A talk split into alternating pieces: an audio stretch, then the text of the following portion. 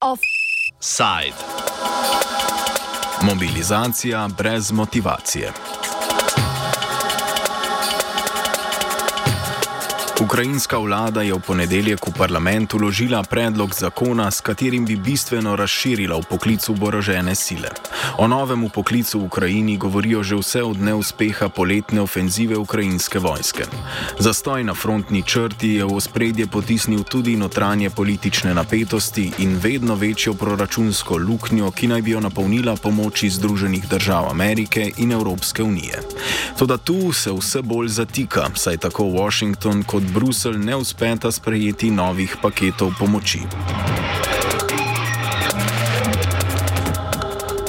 Predlog zakona, ki ga je vlada načrtovala vsaj od sredine novembra, mora pred potrditvijo prestati presojo parlamentarnih odborov.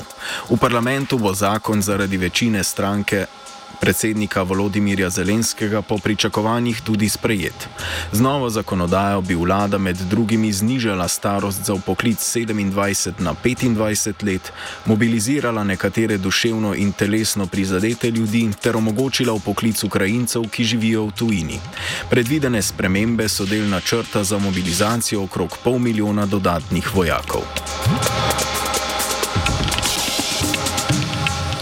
Ben Eris, urednik portala BNE in Telenews, ki se osredotoča predvsem na politiko vzhodne Evrope, pojasni, da se je, da se je rekrutiranje novih vojakov stopnjevalo že pred uložitvijo zakona. Ukrainians that were willing to fight, willing to sign up, um, they all did so immediately after the war started. And what you have left is those who are unwilling to fight. They don't want to go to war. And uh, what the government is talking about now, the suggestion of the General Staff, is a, a forced conscription, uh, a draft, where they will just um, take people, whoever they can get their hands on. And there are already reports coming out of Ukraine of um, the police being used to grab young men in the streets uh, and take them to recruiting centres and to force them to to to sign up. Um, there was also a suggestion floated this week where the Minister of Defense was threatening or suggesting that uh, all of the men, Ukrainian men who were abroad um, in EU countries who left the country at the beginning of the conflict, that they have to sign up, return to Ukraine, and join the army, um, and that there will be some sort of punishment, some sort of sanctions against them if they refuse, if they don't join willingly. And again, the estimates, the number of men of military age um, abroad, outside of Ukraine, is something on the order of 650,000. So there's a lot. Hkrati Eris navaja, da dodatna mobilizacija ne bi bila priljubljena, zlasti ko bodo morali na fronto odhajati vse mlajši. I think what we will find is that there's going to be a popular backlash. Obviously, this is not a popular move to try and make men who don't want to fight, who don't want to put their lives on the line, go to war, send them to the front line uh, in what is a very, very brutal conflict. I mean, the casualty rates are high, that um, both sides are being pounded continuously by artillery. Um, and the, the number of wounded, the, the amputees uh, are up at the level of what they were in the First World War. Um, so, you know, it, it's, it's not going to be popular. Um, having said that, you know, Ukraine is facing an existential fight against Russia. If it loses, then the country could cease to exist. Zelenski trdi, da predlog nove mobilizacije izvira iz vodstva oboroženih sil. Toda proti tem navedbam je na novinarski konferenci nastopil vrhovni poveljnik oboroženih sil Valerij Zalužni. Ta pravi, da vojaško vodstvo ni vložilo uradnega predloga za mobilizacijo, temveč je načrtovalo postopno mobilizacijo. Konkretnega števila vojakov, ki bi jih na tak način upoklicali, ni želel razkriti. Podprl je predlog uvedbe elektronskega obveščanja o poklicu, nasprotuje pa večini preostalih določb zakona. Ne podpira poklica, ki temelji na delitvi na tri kategorije duševno in telesno prizadetih, temveč meni, da bi morali po, po primernosti zasluženje presoditi individualno. Zalužni nasprotuje tudi predvideni rotaciji vojakov na fronti na vsake pol leta, saj bi po njegovih navedbah ta podvojila potrebe po streljivu. Dodatno navaja, da prihodnosti vojne v naslednjem letu ne vidi v številu vojakov, temveč v tehnološkem napredku.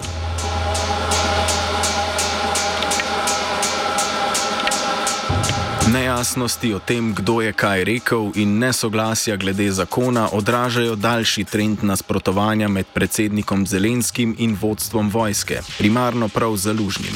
Kot navaja Eris, je Zelenski svojo persono zasnoval na nasprotovanju kakršnim koli pogajanjem z Rusijo, zato bi s popuščanjem doživel hud udarec legitimnosti.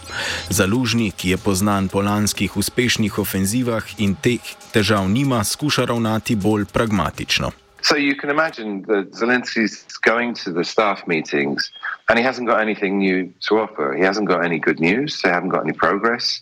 Um, they're taking heavy casualties and running out of men, um, running out of money, running out of arms. And he's going to these uh, these meetings, um, but he hasn't changed his stance. He's like, "We will fight until the bitter end. We will fight until every uh, Russian is expelled from the territories of Ukraine, including Crimea. And it's not really an encouraging message. Um, Zaluzhnin, I think, was just being a bit more realistic. He was just saying that we're not getting anywhere, there's a stalemate, um, and he admitted it. And Zelensky, who is the leader, who's there to inspire everyone, can't really go down that road, can he? He can't really you know, he can't really concentrate on, on the fact that there's so little progress being made because his whole his whole strategy is, is just to keep fighting until they win. Čeprav se javno prerekata, sta Zelenski in Zalužni v Ukrajini priljubljena, zato Eris meni, da bo notranje politični položaj Zelenskega kljub novi mobilizaciji ostal trden. He has lost some popularity. Um, he's being forced to make ever more unpopular decisions in order to keep the war fight effort going. But again, you have to put that against the fact that nobody in Ukraine, none of the Ukrainians, uh, are willing to concede any territory.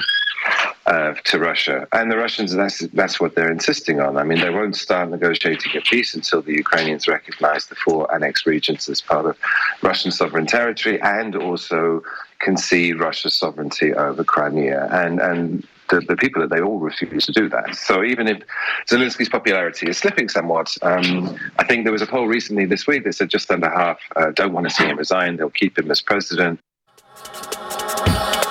Redni mandat se Zelenskemu uradno konča konec marca prihodnje leto. Zelenski je že dejal, da ne podpira izvedbe predsedniških volitev prihodnje leto. Tudi parlamentarne volitve bi morale potekati letos jeseni, a jih je vlada zaradi vojne prestavila. Vprašanje, ali bodo volitve tudi izvedene, tako ostaja odprto, saj zahodne podpornice Ukrajine vseeno želijo, da bi, be, da bi bile volitve izpeljane. First half next year. uh, the presidential term runs out. However, the Ukrainian constitution is very clear that you may not hold elections while martial law is in effect. And so, on a legal grounds, um, they can't hold elections. Having said that, the American partners have been pushing for it um, because Ukraine is, at the end of the day, supposed to be fighting for European values, democracy, um, and the Americans were saying that you should hold the elections anyway. Um, so they could happen um, to, you know, give Zelensky a fresh mandate. But all said and done, uh, I think it's not very practical because you just have the, the, the, the, logistical problem of how do you get all the regions that are in the war zone how do you get the people there? How do you count their votes? Um, it'd be extremely difficult to organize. And how do you get the soldiers who are fighting? You know, there's a million people under arms, and somehow you have to get them to polling stations in the middle of a war. So the practical uh, hurdles to actually organizing election are huge, uh, which makes me think it won't happen. S tem, da predsedniških volitev najverjetneje ne bo, se strinja tudi Pavel Havliček, raziskovalec specializiran za vzhodno Evropo na nevladnem združenju za mednarodne odnose v Pragi. Meni, da izvedba predsedniških volitev v Ukrajini ravno zaradi logističnih izzivov nima veliko podpore. We need to realize that majority of Ukrainian um, sort of stakeholders and also um, uh, civil society they are against this because actually it's very problematic to realize in, for the country at war and also for a country that has millions millions of people and its citizens eligible voters behind the borders. So this is very very hard to realize in practice and could actually contribute to to Russia which which could abuse this vulnerable situation to, to also the attacks against the polling stations and so on and so forth. So this is very, very sensitive. But of course, there's this question of legitimacy of Ukraine's leadership. And this is something that uh, Zelensky is watching very carefully. And he doesn't want to uh, let this go for sure. Na koncu za kijevsko vlado ostaja ključno, da ohrani dobre odnose z Zahodom, predvsem ZDA in Evropsko unijo, saj je od teh odvisna finančna podpora in s tem tudi prihodnost ukrajinskega gospodarstva. Kot navaja Havliček, je vojno uničenje državo popolnoma podredilo tuji finančni pomoči. It's not really great. It's, it's developing rather poorly in terms of a really significant loss of resources. It was not only because of the Russian pressure and uh, destruction of the economy, but also, for example, caused by uh, what uh, Russia has imposed as a blockade on the Black Sea ports uh, in, in, in, in, already months months ago, you know, and uh, now has been uh, sort of an attempt to replace the original so-called grain deal. so this is something that we are seeing as a major cuts for Ukraine economy uh, and a reason why Ukraine is really strongly dependent on international financial support to keep the economic uh, eco- economy afloat. Uh, and also uh, why uh, there were some uh, really harsh estimates that Ukraine nowadays has really economic resources to sustain until the end of February. Tudi Eris opozarja, da državi grozi resno pomankanje denarja, saj je proračun za leto 2024 pomankljiv in finančno ministrstvo ne ve, kako bi potreben denar zagotovilo. 2024 budget has just been passed, and that has a $41 billion hole in it. Uh, and that money, that 41 billion, so half the budget spending is $41 billion. And that's all got to be raised from international partners, donors. Mainly the US and the EU. And um, of that $41 billion, the Ministry of Finance has said that $29 billion um, is not allocated to anyone. They don't know where it's going to come from. So without that money, um, Ukraine will start to, it, it won't be able to run its government. Moreover, part of that money is for military equipment. Nadaljne financiranje iz Evropske unije ovira predvsem Mačarska. Na Evropskem vrhu ta mesec je vložila veto na rebalans proračuna, ki je vseboval paket pomoči Ukrajini težak 50 milijard evrov. Predsednik vlade Viktor Orban že od začetka vojne nasprotuje financiranju Ukrajine. Eris pa meni, da je njegova odločitev zgolj pragmatične narave, saj skuša s tem prepričati Evropsko komisijo, da odmrzne skoraj 22 milijard evrov, ki jih je mačarski odtegnil umaknila zaradi neupoštevanja evropske zakonodaje. Uh, I think that money is going to appear simply because Orban is not objecting to the war out of principle. Um, he's simply using the issue to get money out of the EU. So he had some 40 billion euros of um, cohesion funds and, and post COVID support funds that were frozen by the EU executive last year in order to force Hungary to vote along and support Ukraine. And what he's done, he's um, with the vote to allow Ukraine's uh, accession talks to begin. The EU ended up giving him 10 billion of that 40, um, and what he's holding out for now is the remaining 30 billion dollars. So it's just pure blackmail. Na srečanju so predstavniki držav Unije odobrili tudi začetek pogajanj z Ukrajino ter Moldavijo za sprejetje v Unijo. Odločitev so sprejeli brez glasovanja Mačarske, saj je Orban začasno zapustil sobo in bil s tem uradno odsoten. Ima pa Orban še vedno veliko priložnosti za oviranje postopka sprejemanja Ukrajine v Unijo, zato je Havliček začetek pristopnih pogajanj označil za zgolj simboličnega.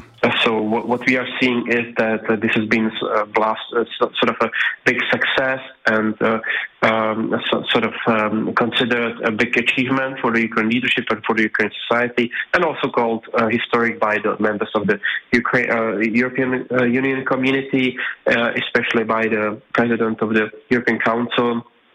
Uh, Charles Michel, who really called the decision a historic one. So I have to agree that this was very symbolic and very uh, strategic of nature, and now there will be more process, processes happening. But of course, without the Ukraine facility and the 50 billion that was promised to Ukraine, this will be very hard to achieve in practice. Obstaja še en način, kako priti do financiranja za Kijev. Zahodne države se dogovarjajo o zasegu 270 milijard evrov centralne banke Rusije, ki so jih zamrznili v evropskih in ameriških bankah. Ta denar bi na to namenili Kijevu.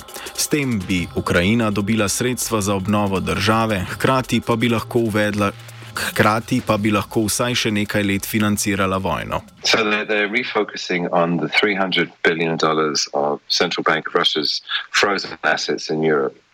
And I think the chances of this whole problem being solved by the EU or the West seizing that money. Because at the moment it's just frozen. It's technically, it still belongs to the Central Bank of Russia. But if they seize it, if they take ownership of it and give it to Ukraine, then that solves all of Ukraine's problems at once. It funds the war for another couple of years and at the same time provides enough money to do the rebuild. I mean, the Kiev School of Economics estimate the physical damage to Ukraine at the moment is about 150 billion dollars. So that 300 billion of Russian money would pay for the rebuild and it would fund the war for several years. Um, so I, I actually think that's increasingly likely to happen. Doslej so bile največja podpornica Ukrajine ZDA, ki so Ukrajini odobrile za okrog 40 milijard evrov vojaške pomoči.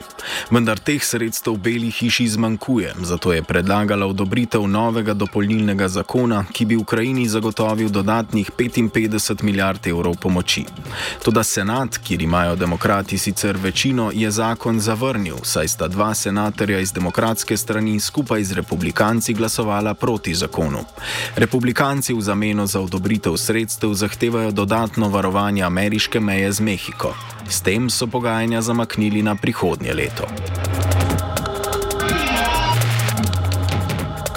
Hkrati tudi Evropska unija išče načine, kako financirati Ukrajino v primeru, da se spor z Mačarsko ne bi razrešil do naslednjega vrha Evropskega sveta v začetku februarja. Kot poroča londonski Financial Times, naj bi v Bruslju pripravili predlog, ki bi Ukrajini zagotovil okrog 10 milijard evrov iz novega dolga Evropske komisije. Tam bi zato pridobila jamstva tistih držav članic, ki to podpirajo. Gre za sredstva, ki uradno niso del evropskega proračuna. S tem bi obšli mačarsko blokado in pomoč sprejeli brez Orbanove privolitve. Oba načrta sta zaenkrat še v zraku. Da Ukrajini ne bi zmanjkalo denarja, pa bi jo morali sprejeti pred prihodnjo pomladjo. Offside sta pripravila vajenec Rok in Gal.